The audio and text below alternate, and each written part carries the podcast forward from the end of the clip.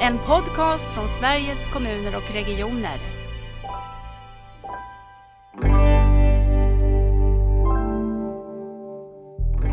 När man blir ett team på riktigt, man kan ringa och kommunicera med varandra direkt. Det är som att vara anställda i samma verksamhet. Då, då uppstår en, en stor fördel för båda parter.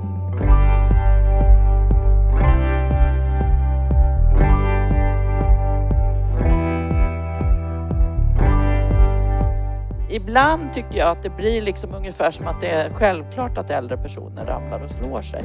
Och det är ju ganska enkla medel som behöver till. Välkomna till Nära vård-podden.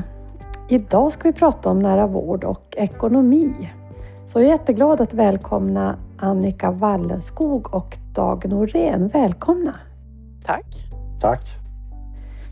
Eh, jättespännande att få ha er här och eh, Annika, du känns som en sån här riktiga SKR-kändisen, SKRs ansikte nästan. Men vem är du Annika Wallenskog? Ja, jag jobbar ju som chefsekonom på SKR, eh, har fem söner och bor i Vallentuna. Eh, sen är det så att jag har tidigare jobbat både i kommun som kommundirektör och som ekonomidirektör och sen har jag jobbat i två regioner också fast på den tiden hette de landsting. Mm. Eh, och det är en väldig fördel tycker jag när man jobbar på SKR därför att man kan se vilka olika perspektiv man har och det är ju särskilt viktigt när det gäller nära vård. Vilka regioner har du jobbat i? I Uppsala och Västmanland. Just det. Sa du vilka kommuner också? Nej, det sa jag nog inte. Ja, jag jobbar i Stockholms stad också, men så har jag jobbat i Nacka kommun och i, men då var jag i bolagssektorn i Stockholms stad, men i Nacka kommun som ekonomidirektör och i Vallentuna kommun som kommundirektör. Mm. Eh, och du säger lite grann, du bor i Vallentuna och så. Berätta lite mer om det, så här fem söner och så. Vad mer? Nej, men jag tycker det är ju också faktiskt så, någonting som jag känner att jag har nytta av i jobbet, att jag har fem söner. Nu är det väl så just nu för tillfället är det två som vikarierar som lärare på en ja, F till 9 skola. Mm. Och det är ju jätteintressant att se att det är just de här vikar, vikarierande lärarna som får ta hand om de här barnen med störst behov många gånger med väldigt många olika diagnoser. Och det kan man ju fundera på, för vi pratar ju väldigt mycket om när vi pratar om nära vård att man ska liksom jobba förebyggande mm. och så. Och problemet som jag ser och som de pratar om väldigt mycket också, det är ju att ja, men de kanske gör ett bra jobb och får bra kontakt med det här barnet för det är ju ofta barn som inte är så jättestora.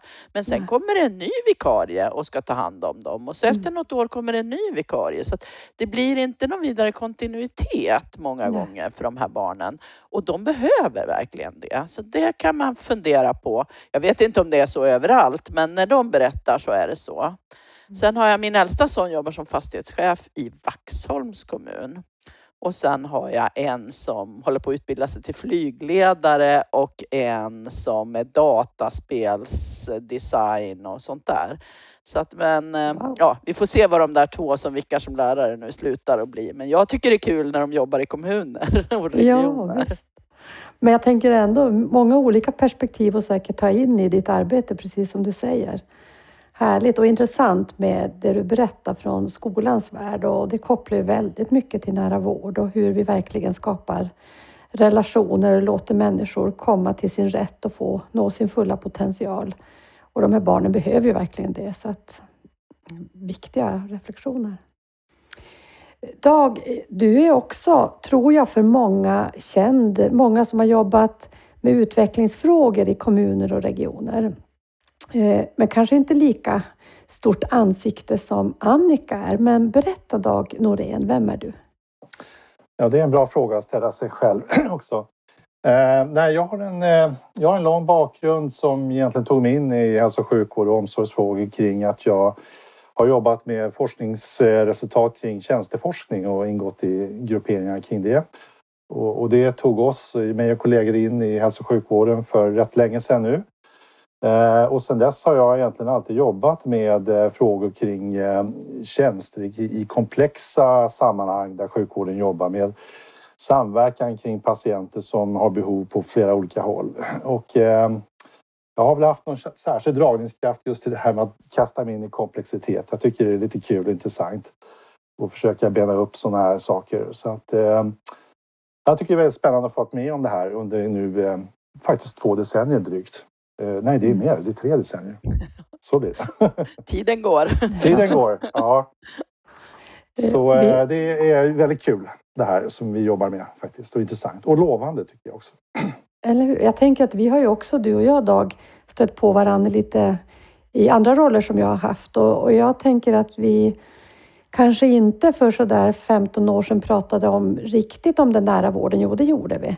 Men den nära och personcentrerade vården. Och sen så håller jag med dig att det är ju härligt att få vara med och se det som händer just nu. Men om du skulle säga lite mer om dig själv, eh, förutom din eh, professionella bakgrund, vem är du mer då? Ja, annars är jag nog ganska mycket en, eh, en naturperson. Jag gillar att vara ute i natur, gärna när det är lite tufft. Det kan vara kul ibland och skönt att känna att man lever. Mm. Jag bor ute på Mälaröarna och där har vi mycket natur och vatten och Åker gärna skidor så mycket det går, även om man bor här i Stockholmsområdet. Eh, åker jag paddlar kajak och sådana här saker som tar mig in i naturen. Så det är vad jag gör privat. Och eh, jag har då två söner.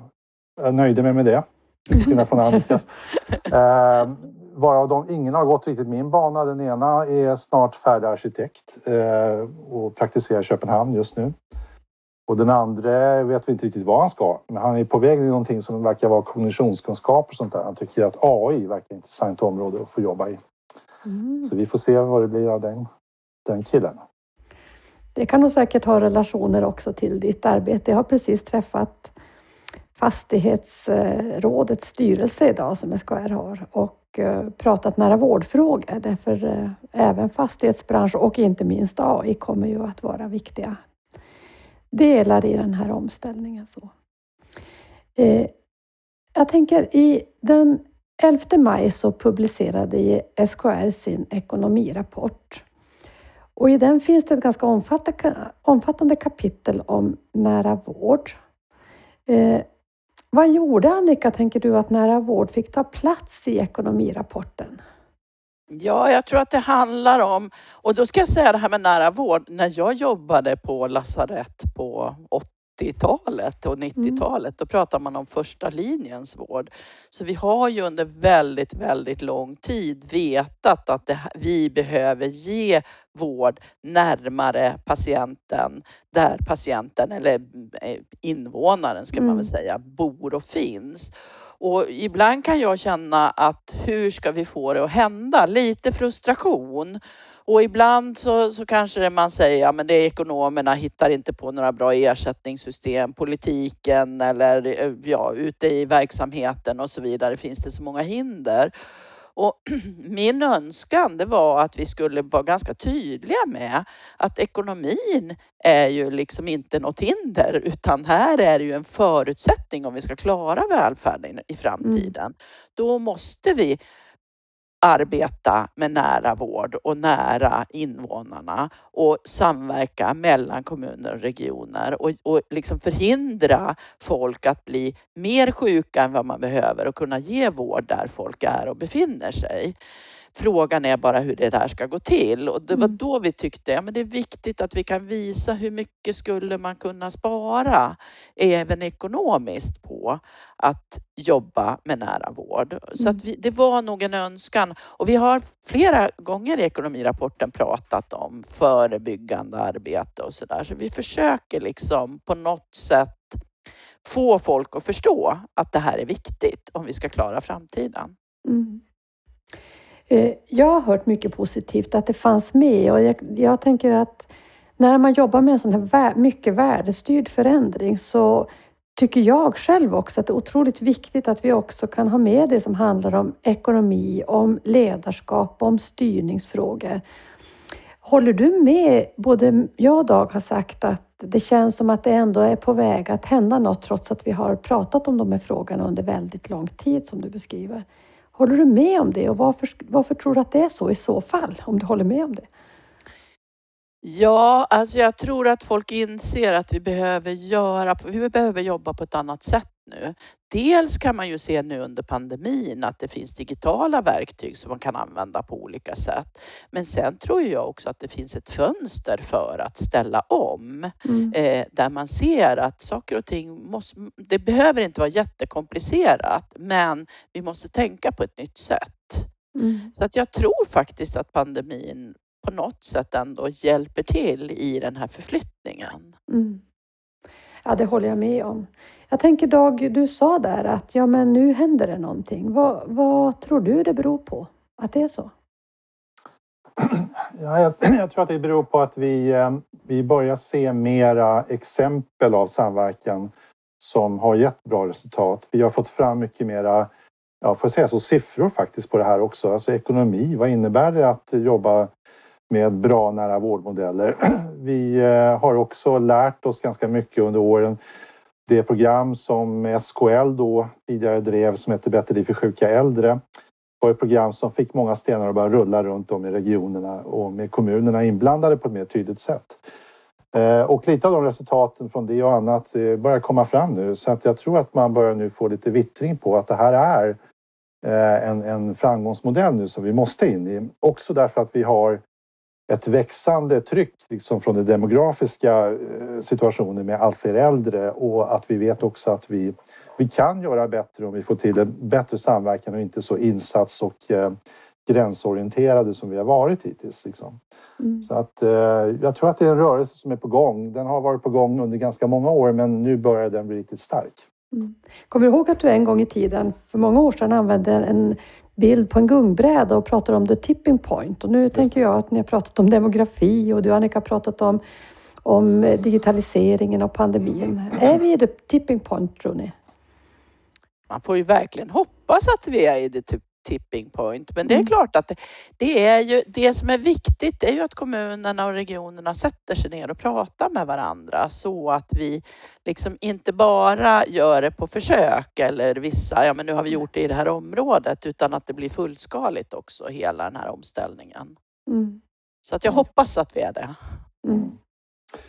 Ja, det är alltid lätt att säga för mycket när man är just här och nu, liksom att nu händer det. Men, men eh, jag tror ändå med ett ganska långt perspektiv som jag har på det här nu att jag ser mer utav tipping point, det är mer tyngd på gungbredans yttersta del än vad vi har sett tidigare någonsin. Eh, och att eh, det här också som är en viktig del att vi börjar sätta pengar också på vad nära vård innebär och som lyfts också i eh, ekonomirapporten nu senast med ett exempel från södra Älvsborg visar att det här är en kraft. Alltså det här blir det blir en påverkan när man ser de här resultaten, det tror jag. Mm. Så det är väldigt bra att det lyfts så här som det har gjorts i många sammanhang. Mm. Jag tänkte Annika att du skulle få eh, kommentera lite olika delar i ekonomirapporten och en del under nära vård handlar om samverkan kommun och region. Eh, vad tänker du där och vad handlar det kapitlet om? Men det handlar ju om hur kan man samverka kring olika individer för att förhindra inläggningar på slutensjukvården och stötta invånarna där de är. Mm. Och här ser ju jag att ibland Alltså det är viktigt här att kommunerna och regionerna har tillit till varandra och att man känner sig trygg med varandra och att man liksom också kan diskutera, ja men om det nu är så att vi kan förhindra personer att komma in i slutensjukvården och vi kan spara pengar, då måste vi också på något sätt kunna dela på den här vinsten eller, eh, eller att man säger, men det är okej okay att ni tjäna pengar på det här för då kanske inte ni höjer kommunalskatten så mycket. Så det finns ju olika sätt att se det. Mm. Men jag tror att det här är jätteviktigt att få den här samverkan mellan kommuner och regioner och göra det både kring barn och unga i den situation de befinner sig i men även kring äldre personer eh, som har ju behov av insatser från väldigt många olika håll. Och det handlar inte bara om primärvården och äldreomsorgen utan det är ju väldigt många andra delar som mm. behöver vara med i det här också. Mm. Och jag tänkte också att eh, där lyfts ju också det preventiva perspektivet, att kunna jobba tillsammans kommun och region i, i med det förebyggande arbetet. Ja, absolut. Och där har man ju både inom för barn och unga till exempel, det är skolan, det är socialtjänsten, det är BUP till exempel. Mm. Och där vi ser också att ju tidigare man kan sätta in insatserna, desto bättre resultat kan man ju förvänta sig framåt. Och då är det ju viktigt att man har det här gemensamma arbetet kring, den här bar, kring det här barnet eller den här unga personen. Mm. Mm. Ett annat kapitel som finns, det handlar ju om ersättningssystem. Eh, berätta lite grann om eh, vad, vad det innehåller och hur du tänker kring det. Ja, men där är det ju viktigt att ersättningssystemen inte sätt, sätts i vägen för att utveckla nära vård. Ibland så har man ju Eh, man kan ju ta till exempel att man i vissa regioner har haft en kapiteringsersättning inom eh, primärvården och sen har man dessutom extra pengar för varje besök man genomför och då är det de här traditionella besöken.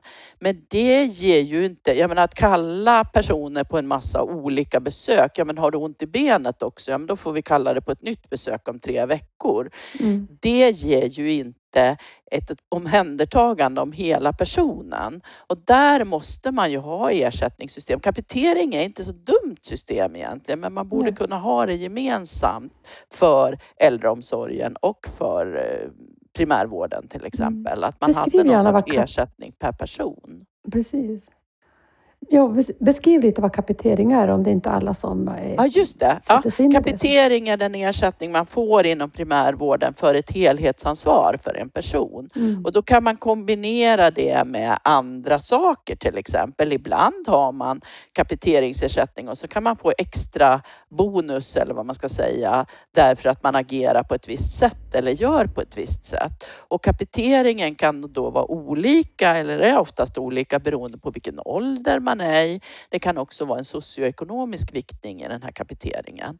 Sen kan jag säga att vi har ju en utmaning därför de flesta regioner har ju olika kapiteringsersättning. Det är ju inte samma system i hela landet utan väldigt många räknar ju ut sina egna system och vad man ska gynna och så vidare. Mm. Och här tycker jag att det borde vara så att man har någon sån ersättning men att det borde finnas någon sorts, vad ska man säga, extra ersättning för att man tar någon sorts gemensamt ansvar, kommuner och regioner.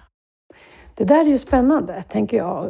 På tal om den andra rubriken om samverkan, hur får vi också ersättningssystemen att, att premiera eller att gynna samverkan? Mm. Och det skulle kunna vara en sån del, tänker du?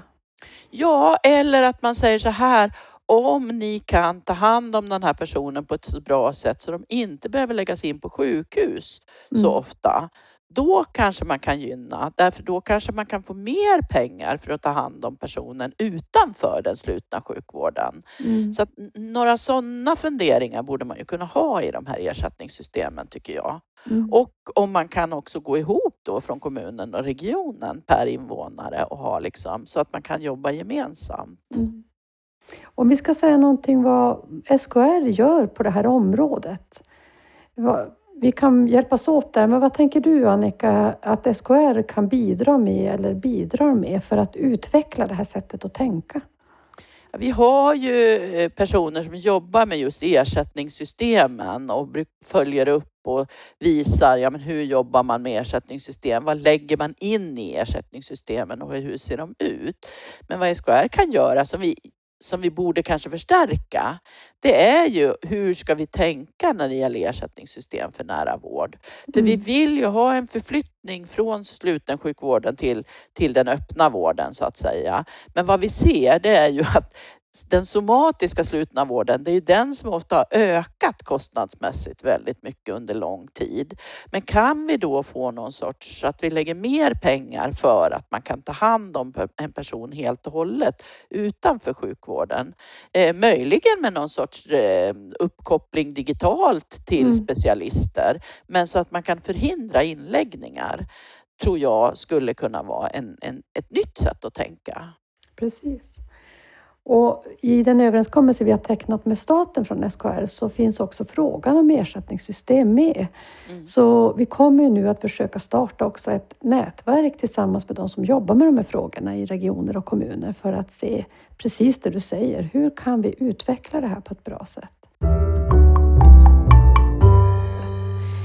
Eh, jag tänker Dag, du ska sen få berätta om, om det räkneexempel som också finns i, i ekonomirapporten. Men har du några reflektioner kring det här samverkan kommun, region, ersättningssystem och så när du har hört oss resonera? Ja, alltså jag tycker att en, ett angreppssätt att använda mer och mer nu det är att försöka hitta de samverkansmodeller som är lite mer optimala som bygger oftast på teamsamverkan där man kan ta ett exempel att kan eh, regionens primärvård samverka med kommunens primärvård och hälso och sjukvård på ett bra sätt och båda kan jobba från toppen av sin bästa kompetens så kan man ju tillsammans skapa mycket mer än att man byter ansvar hela tiden mellan varandra kring patienterna. Mm. Och inte minst läkarstödet är aktuellt här. Men om man kan komma in i de här mera optimala vårdmodellerna, pröva ut dem och sen se vilka ersättningssystem stödjer de här bäst. Mm. Så tycker jag man tar en utifrån och in approach på den här frågan som är ganska intressant. Mm. Eh, och sån här typ av testverksamhet det pågår bland annat i England med, eh, i, inom NHS där man kallar det för place-based systems of care där man liksom försöker skapa ideala samverkanslösningar lite fritt då från dagens strukturer.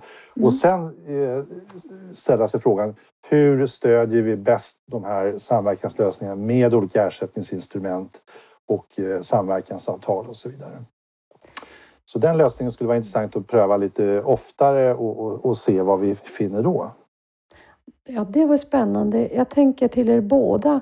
Eh, skulle vi kunna göra det inom nuvarande system och regelverk? Skulle vi kunna göra, säga att här jobbar ni på ett spännande sätt med en ny vårdlogik? Eh, kan vi också vara lite fria i att testa olika ersättningsmodeller? Vad behöver till för att vi ska komma dit där de finns i NHS?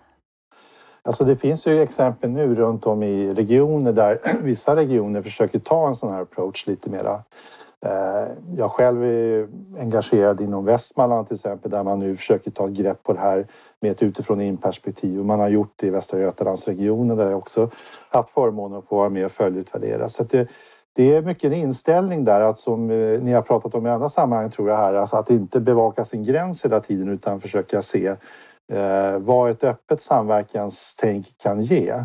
Mm. Eh, och sen då börja så att säga, hitta nya lösningar för att styra mot det här. Så att säga. För att den här teamsamverkan över gränser den är ju rätt komplex och den eh, kanske inte mår bäst av att vi ytterligare eh, tar till ytterligare ersättningsmodeller för det utan att vi kanske försöker starta om och se hur professionerna hittar sina samverkansmönster och sen stödjer det.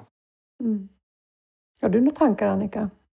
Nej, men jag tycker egentligen kan väldigt mycket göras inom dagens system och lagstiftning.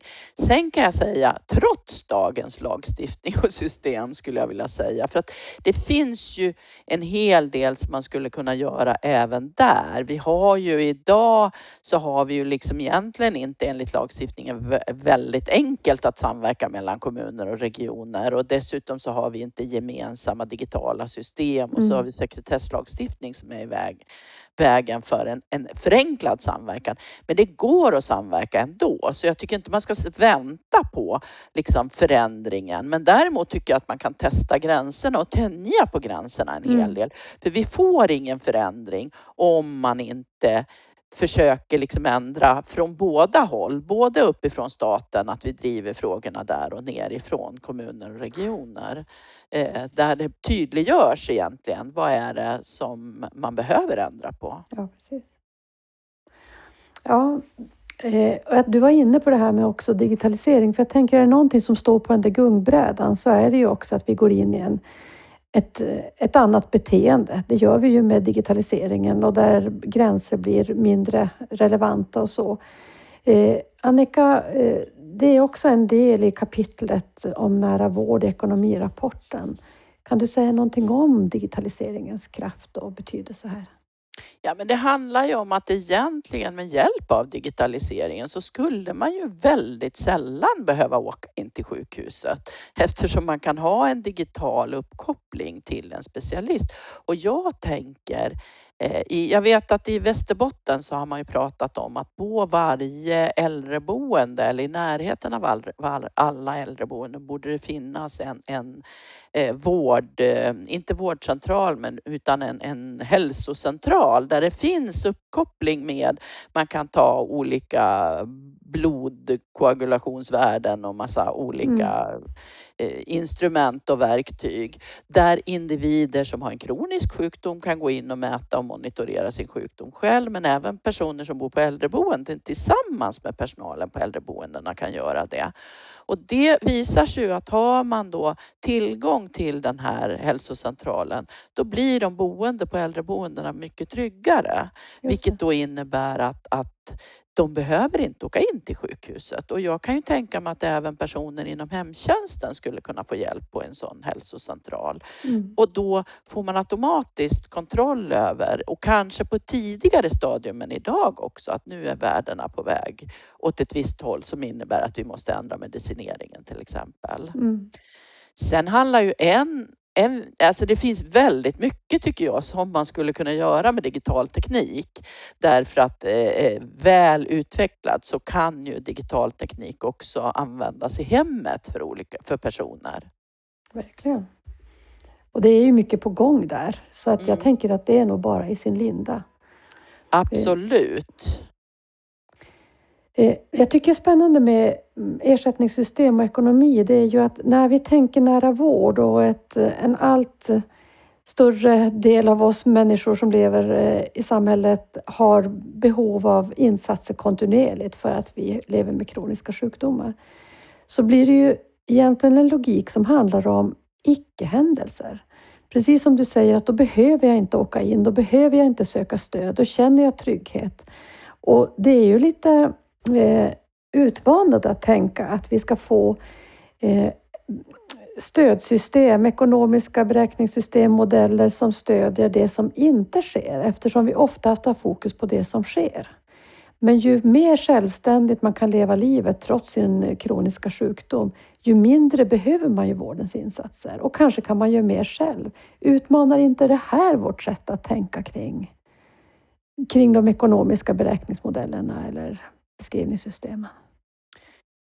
Jag kan ju tycka att kapiteringsersättningen, den är ju sån egentligen. Mm, mm. Det är ju ungefär som, jag menar, någon, det är ett ställe där man har kommit väldigt långt med förebyggande vård är ju inom tandvården. och där åker man ju på någon sorts årlig kontroll och då får ju tandläkaren en, man får betala en egenavgift och så får tandläkaren en, en peng för det här. Och i Stockholm har man ju jobbat bland, och flera regioner också har man ju jobbat med sån här frisktandvård, förebyggande tandvård, att man får betala en ersättning för att slippa eh, ja, betala när det inträffar någonting. Och jag tänker att det är kanske så man ska tänka att här får ni en ersättning för att ta hand om de här individerna och kan ni då göra det på ett mm. så bra sätt som möjligt, ja men då kanske vi kan öka ersättningen mm. för att vi får en bättre hälsa hos den här gruppen i befolkningen. Precis. Och då är det ju väldigt mycket att ändamålet är att skapa hälsa. Och hur gör vi både tjänsten men också de ekonomiska styrsystemen så stödjande som möjligt för att, att behålla och skapa hälsa. Det är ju jätteintressant och jätteviktigt. Eh, jag tänker Dag, i den här delen i ekonomirapporten eh, så finns det också ekonomiska beräkningar och du har bidragit på uppdrag av oss i, i nära vårdarbetet till att att titta på lite olika exempel och försöka beräkna dem. Just för det som ni båda säger, att det är så viktigt att vi också kan få syn på eh, både kostnader och eh, effekter av den nära vården. Skulle du vilja berätta lite grann om eh, det här exemplet som finns i ekonomirapporten i södra Älvsborg. Kan du berätta lite grann om det och vad du ser i det? Mm. Det, det exemplet är ju eh, ett, just ett sådant exempel på en sån här optimal samverkansmodell där man försöker göra så rätt som möjligt från början. Liksom. Och det är det som eh, är grunddevisen för mig i min bakgrund i tjänsteforskningen. Att, att man ska försöka göra så rätt som möjligt från första början. Och den här samverkansmodellen har ju växt fram i och med att eh, eh sjukhuset såg att eh, man skulle kunna jobba bättre med kontinuitet runt patienterna om man också samverkade mer med den kommunala eh, hemsjukvården som oftast har hand om de här mest sjuka patienterna som är målgrupp just för södra Älvsborgs exemplet då. Och på det sättet så har man skapat en, en, en ganska optimal modell där båda parter är, är som säga, vinnare i det här och framförallt patienten och närstående. Eh, där man egentligen kan eh, med det här teamet som då utgår från kliniken nära vård på Södra Älvsborgs sjukhus. De har alltså en klinik som heter nära vård eh, som jobbar direkt inne och är designad för att jobba inne i hemsjukvården tillsammans med hemsjukvården kring de här komplexa patienterna och det är de allra mest sjuka då. Så i stort sett så försvinner de ju från eh, inläggningar på slutenvården för det mesta med några undantag och kommunen får ett mycket bättre stöd för sitt, eh, sitt arbete med eh, patienterna. Samtidigt är det inte alldeles lätt därför att eh, egentligen så ska kommunerna inte samverka direkt med sjukhusvård på det här sättet som man gör enligt de regler som finns. Men det gör man ändå därför att båda parter vinner på det så tydligt och det mm. blir väldigt, väldigt goda resultat för patienterna. Så det är en modell som visar just på det som Annika var inne på, hur man tänjer lite grann på gränserna för att få det att eh, fungera bättre. Eh, och nu försöker man då skapa styrsystem och ersättningsmodeller som stödjer det här arbetet mera eh, kontinuerligt så att det också överlever över tid. Så det är ett bra exempel på vad vi kan göra när vi jobbar liksom utifrån optimala utgångspunkter. Och då slipper vi mycket av de där händelserna som vi annars då uppstår med inläggningar och så vidare och överföringar till korttidsboenden och så vidare som blir för de här patienterna. Nu kan de vara kvar i sitt hem och få en kontinuitet i samverkan mellan både specialistkompetens, eh, primärvårdsläkare när det behövs och eh, den kommunala hemsjukvården. Mm. Vad tänker du Annika när du har tagit del av det här exemplet och följt det och så? Vad spelar det för roll? Nej, men det är klart att det är jätteviktigt med de här exemplen för att visa var är det man kan spara de här pengarna och på vilket sätt uppstår vinsten. Det som är ett dilemma många gånger inom vården det är ju att oj, nu fick vi en ledig vårdplats, då fyller vi den med en annan patient. Men här är det ju så att skulle vi inte har ställt om till nära vård, mm. då skulle kanske inte vårdplatserna ha räckt till. Mm. Och det är ju det perspektivet man måste se det i. Inte liksom att, att man får en ledig plats och så fyller man med en annan och ja, men då har vi inte sparat någonting. Mm. Det där är intressant. Jag vet att eh, ni har tittat, ni tittar på, på demografiska utvecklingen eh, i varje ekonomirapport. Vill du säga något om det? För jag tänker att det där hänger ju ihop med hur vi ska möta framtiden och hur vi nu löser våra vilka lösningar vi har och hur vi också ser vilka vinster och effekter vi får. Eh, jag vet att ni gjorde om bilden lite grann i det här årets ekonomirapport. Ja, och det är ju SCB som har gjort en ny befolkningsprognos. Att det är liksom utifrån den befolkningsprognosen och det är ganska dramatiska förändringar faktiskt jämfört med de tidigare prognoserna. Går vi tillbaka för två prognoser sedan, då räknar man med att barn och unga skulle öka med 9 procent och sen drog man ner det till 5 procent och nu var det faktiskt en minskning av barn och unga med 1 procent. Men däremot så har vi ju en jättestor ökning av personerna 80 plus plus. Mm. Och tittar man på den totala ökningen av befolkningen på 477 000 personer så är 56 procent av dem kommer från en ökning av 80-plussarna, det vill säga 266 000 personer ökar man i åldern 80 plus. Medan både gruppen mellan 65 och 79 och gruppen barn och unga minskar och gruppen eh, i arbetsför ålder ökar med 235 000, alltså lägre ökning av personer i yrkesverksam ålder än av gruppen 80 plus. Mm. Och det, det, här är ju en jätteutmaning framåt, mm. både ekonomiskt men även kompetensförsörjningsmässigt. Och det är ju det som blir så tydligt då, att vi kan inte fortsätta utöka antalet anställda per person som mm. har behov som vi har gjort, utan här måste vi börja jobba på ett nytt sätt. Precis. Jag tänker du, Dag sa ju också att när vi lägger ihop resurserna så, så eh, får vi ju sammantaget, använder vi resurserna bättre. Och det tänker jag är någonting som genomgående redan från Göran Stiernstedts utredning, att det är kanske inte resursbristen om vi lär oss använda resurser på, på andra sätt. Precis.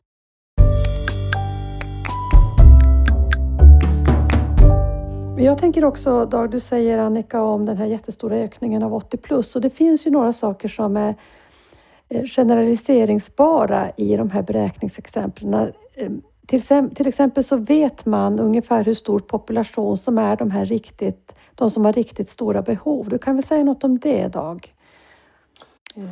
i en Ja. befolkning. Alltså. Mm. Precis, nu har jag mest tittat på eh, den tyngsta gruppen komplext sjuka och det är oftast äldre då. Och, eh, men de är ju egentligen en ganska liten grupp som tar väldigt stor del av sjukvårdens resurser. Eh, och det gör ju att det faktiskt är en intressant möjlighet att, att vi, när vi vet att om vi gör en bättre vård för de här med större kontinuitet, kan vi bygga det och stödja det, då får vi ju inte bara en mycket bättre kvalitet, men vi får faktiskt en bättre resursanvändning också. Och jag tror det är som Annika också är ute efter att vi måste hitta de nya sätten när demografin ser ut som den gör. Men i och med att de är ändå ganska få, alltså de allra mest sjuka, ett nyckeltal vi ofta använder är att de är inte mer än 0,2 procent av befolkningen. Mm. Det innebär att om du har en stor kommun med 100 000 invånare så talar vi om 200 invånare ungefär, medborgare som har den här, det här behovet. Och sen finns det naturligtvis grupper under dem som är, är sjuka och sköra men inte liksom så allvarligt sjuka som den här gruppen är som, som är riktigt tung. Och det är den här gruppen som oftast då den tunga gruppen far mest illa i systemet genom att de forslas runt på det här sättet och det är ständiga ansvarsbyten och omplaneringar och så vidare. Och i den här insatsstrukturen så tappar vi kontrollen många gånger och vårdplaneringar brister och läkemedelslistor brister och stämmer inte överens och det ställer till stora problem.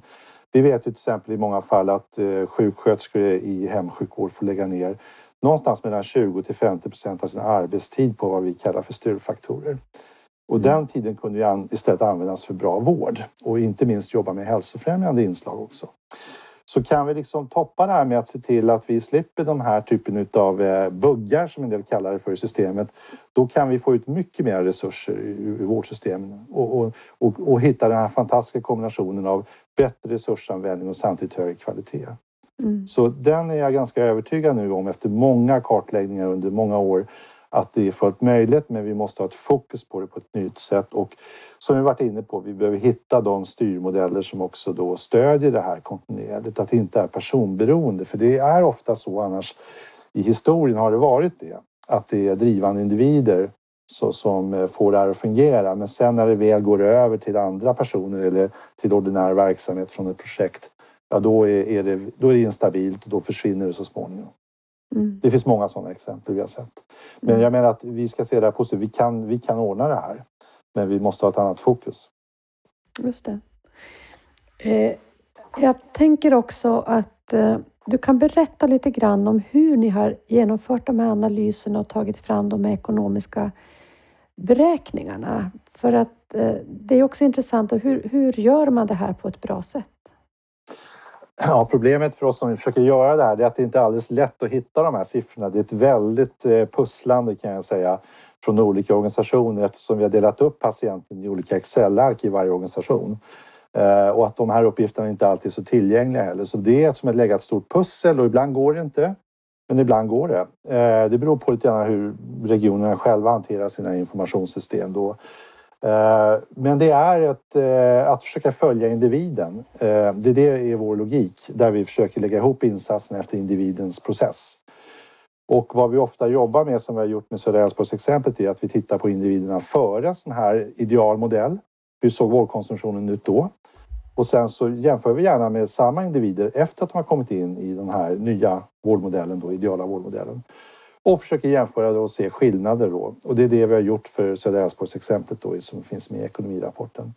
Och då ser man nästan alltid när de här modellerna är, är bra organiserade från början med samverkan att det är stora tal, stora resursförbättringar som kommer samtidigt som vi kan mäta patientnöjdhet som är väldigt, oftast väldigt bra då med de här exemplen.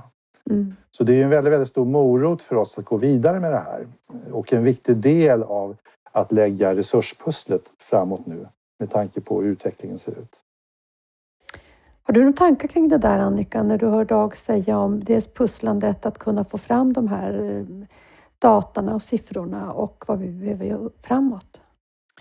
Nej, jag tror att det, det finns inom hälso och sjukvården jobbar man ju en del med, med KPP, kostnad per patient.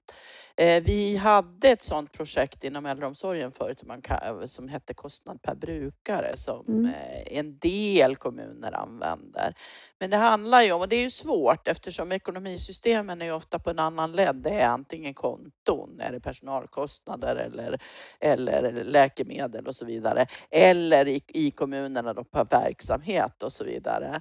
Så att det, det är svårt att liksom, vi har inga system idag som är anpassade till individerna förutom egentligen KPP som vi har inom, inom. Och där har vi det utvecklat inom den somatiska vården, inte alltid inom primärvården. Mm. Så att det är ju det här som gör att det blir lite svårt. Mm. Och jag skulle vilja lägga till att skulle vi kunna liksom få till våra system så att vi lite enklare kunde följa patientens process och kostnader så skulle vi få ett bra underlag för utvecklings och förbättringsarbete ute i, i bland huvudmännen som verkligen behövs för att komma framåt. Så att det, det skulle vara önskvärt att vi kunde eh, koppla ihop våra dokumentationssystem så att vi enklare kunde få ihop de här bilderna. Det vore väldigt bra. Jag tänker ibland på den tredje största kostnads eh, diagnosgruppen, om man kallar det diagnosgrupp, inom hälso och sjukvården. Det är det som kallas för skador och förgiftningar. Eh, Det är då äldre personer som Mm. råkar ut för lårbensbrott och så vidare och sen så får de läkemedelsförgiftningar. Mm. Och då tänker jag, ibland pratar vi om förebyggande och man tänker liksom hela livscykeln med förebyggande vård. Jag tänker på hur mycket mycket lidande och kostnader skulle man inte spara genom att bara försöka fokusera kring hur kan vi liksom tillsammans kommuner och regioner arbeta förebyggande mot att folk ramlar och slår Precis. sig. Bara den delen skulle ju liksom hämta hem hela Mm. kostnaden. Så att ibland tycker jag att det blir liksom ungefär som att det är självklart att äldre personer ramlar och slår sig. Mm. Och det är ju ganska enkla medel som behöver till Mm. många gånger. Det handlar ju om badrum som är liksom ett jättefarligt ställe att vara på när man är äldre. Att det finns eh, saker man kan ta tag i med händerna och så vidare när man är i badrummet. Och sen handlar det ju om liksom att kanske få hjälp när man ska byta gardiner eller putsa fönster eller vad det nu är. Och matt, lösa mattfransar och så vidare. Mm. Och vilket lidande och faktiskt också död. Det här är ju Mm. en väldigt stor olyckskategori. Vi hade på Nära vårds forskningsfrukost med oss Magnus Singmark som är forskare i och finns i Östersunds kommun som FoU-chef men också knuten till både Umeå och Lunds universitet. Och han berättade just om, om att räkna hem effekter eh, på bland annat fallprevention men också andra förebyggande arbeten. Och jag vet att de har jobbat också med digitaliseringen som verktyg, något som jag tror de kallar säkra steg. Eh, där man också lätt i sin applikation i, i mobiltelefonen kan både träna upp sig så man behåller sin muskelmassa och sin styrka. Och det är klart att sånt är väldigt intressant att också titta på effekterna av. Mm. Jag tror det är jätteviktigt det där för att det är också så att vi, vi lägger ner väldigt, väldigt mycket tid på det här, jag kallar för transaktionsarbetet, liksom att skifta ansvar runt patienterna. Och får vi liksom ett mera kontinuitetsbaserat omhändertagande där, där, vi kan liksom inte, där vi inte byter ansvar på det här sättet utan vi samverkar istället med patienten, då, då kommer också kommuner kunna arbeta mycket mer med aktiv rehabilitering. Sådana Mm. exempel finns ju nu eh, på olika Mm. håll i kommuner som visar att man man skjuter upp eller man helt enkelt besparar individen en ökande hälso och sjukvårdsbehov genom att eh, jobba så förebyggande med de här insatserna. Då. Mm. Men det gäller att få tid för det och, eh, och, och det har vi inte riktigt idag så som det ser ut.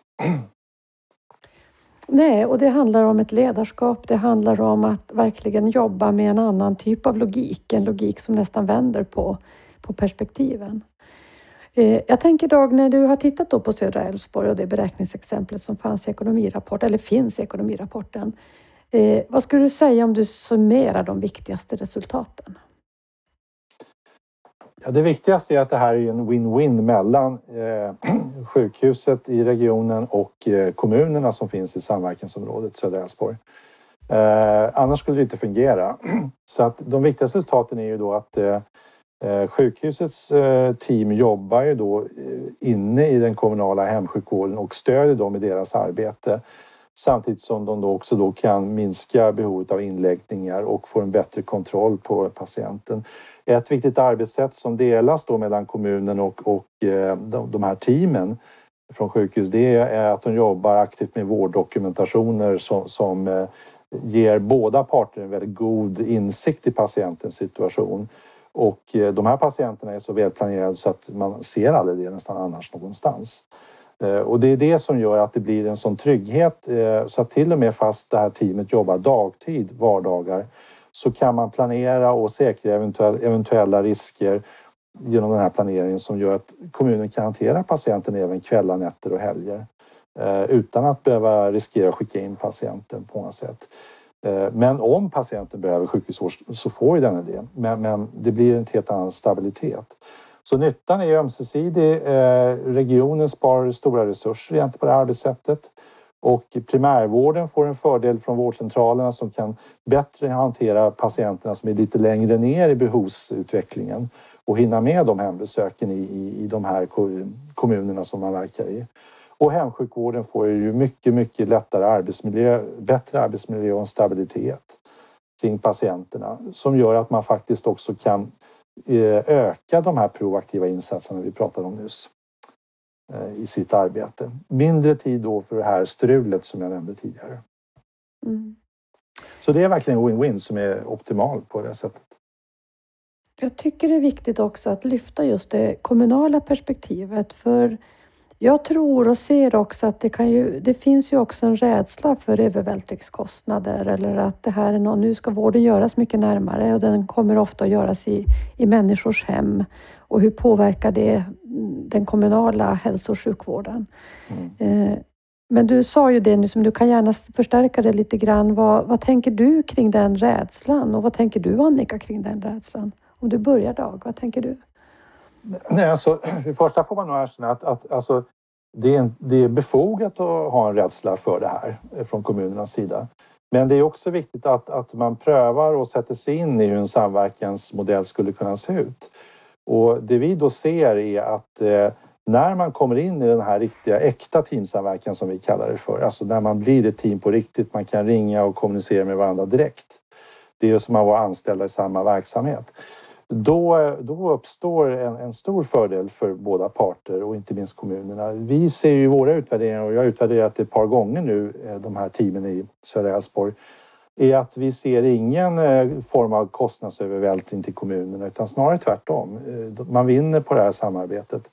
Men det finns, så länge man inte kommer in i de här modellerna och, och sjukhuset också arbetar på ett mer icke-hierarkiskt sätt och, och inkluderande och, och, och utbildar också kommunal hälso och sjukvårdspersonal. Eh, om man inte gör det på ett bra sätt, då uppstår inte de här fördelarna. Det finns också utvärderingar av det där det inte har blivit lika bra resultat. Men när äkta teamsamverkan kommer till, ja, då ser vi de här resultaten. Då kommer vad vi kallar för hävstången för parterna och inte minst för patienten också. Mm. Annika, du känner du igen de här äh, Ja, absolut. Och det är klart att det bygger ju också på att man, man är mindre. En kommun är alltid mindre än en region. Mm. Och man är, jag tror att dels just det här att ja, men nu, ska, nu ska regionerna komma undan kostnader och så ska de lägga dem på oss och så känner man sig lite underläge gentemot regionen som ju är mycket större och har mycket mer resurser många gånger än, än vad små kommuner har i alla fall. Men här tror jag också kan man få till och där är det ju viktigt att regionerna tänker på det att man måste, här måste man jobba på lika villkor för att man ska verkligen arbeta ihop och sen att man får fram modeller som båda parter är nöjda med. Mm. Så, så tror ju jag att båda parter kommer att tjäna på det här. Mm. Men, men man måste vara väldigt öppen mot varandra och man måste också vara man måste ha tillit till varandra men man måste också, gör, man måste också eh, vad ska jag säga, bidra med att ge eh, öppenhet och transparens inom sina verksamheter. För gör man inte det, har man inte den inställningen att det här gör vi tillsammans och det här vi eh, som gör det här så, så tror jag att det kan bli svårt att få till den här tilliten. Mm. Ja, jätteviktiga ord. Jag tror det där är så. Det kommer man tillbaka till också att det handlar vi är ju människor och vi behöver mötas där och ha tilliten och få experimentera och kanske också få misslyckas. Men eh, jag tänker när du ser resultaten Annika, vad tänker du är det viktigaste med de resultaten? Om vi nu tar södra Älvsborg till exempel. Hur vill du använda det? Nej, men jag tror att det är viktigt att man redan från början har diskuterat hur ska vi, hur ska vi sätta upp det här liksom, samarbetet? Vilka modeller ska vi ha?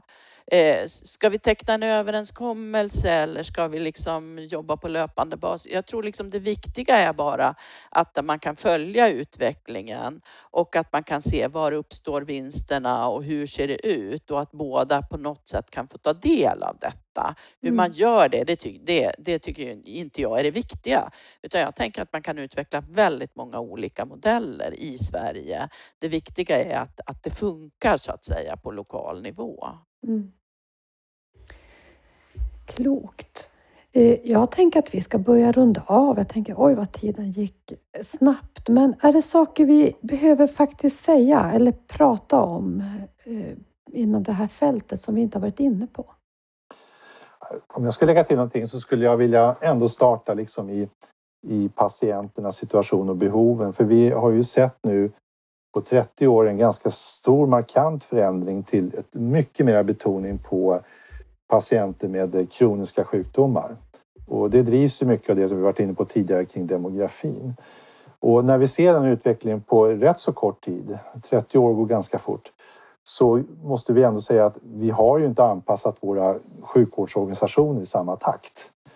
Det tycker jag är en bra motivation för varför vi måste hitta nya modeller att eh, interagera kring och som eh, liksom mer betonar de här med komplex sjuklighet som finns då behov över systemet. Och, och ju högre komplexitet, det har ju också sagts i effektiv vård, desto mm. större potential mm. ur resursperspektivet. Eh, därför att det är där vi lägger ner mest resurser och det är där eh, trasslet med ständiga byten och ansvarsskiften sker.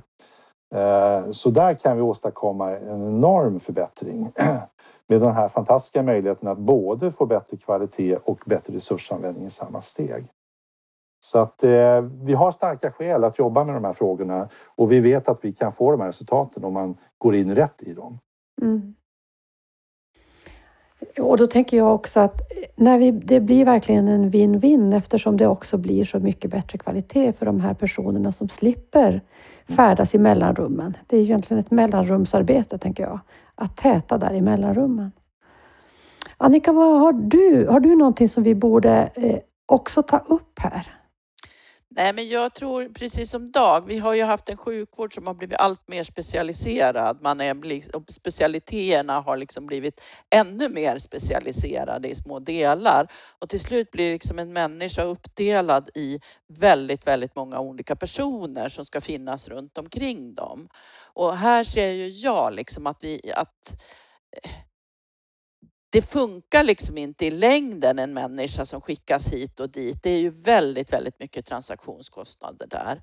Och där är det ju viktigt att, att här, här ser vi ju att vi kan hämta hem saker och ting genom att det finns någon som tar ansvar för hela personen. Mm. Eller att man gör saker och ting gemensamt på något sätt där man kan liksom ha kontakter med de olika specialisterna.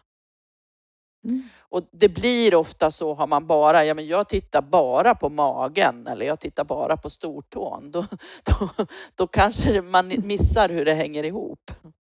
Ja, verkligen. Och det påverkar ju också kvaliteten, att inte få ja. vara den där hela människan. Eh, jag tycker att vi är i en spännande tid. Tänk vad vi har mycket spännande framför oss och se hur det här kommer att växa fram, för det tror jag det kommer absolut att göra. Jag tänkte vi ska sluta med vår eh, eh nära vård-podden-fråga. Och jag vänder mig till dig idag först och frågar, vad är nära för dig? Nära för mig eh, behöver inte just vara geografiskt eller fysiskt nära utan det kan vara också väldigt mycket relation eller att förstå ett sammanhang på ett närmare sätt.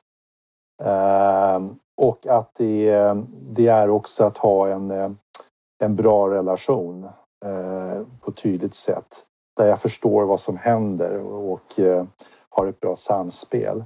Så nära är ganska, egentligen ganska mångfacetterat tycker jag och är långt mycket mer än bara fysiskt nära. Mm. Tack. Vad är nära för dig Annika? Nej, men jag håller med mycket av det Dag säger. Sen tänker jag att nära är också att gå ut och möta människan där de befinner sig, både fysiskt och på alla andra sätt.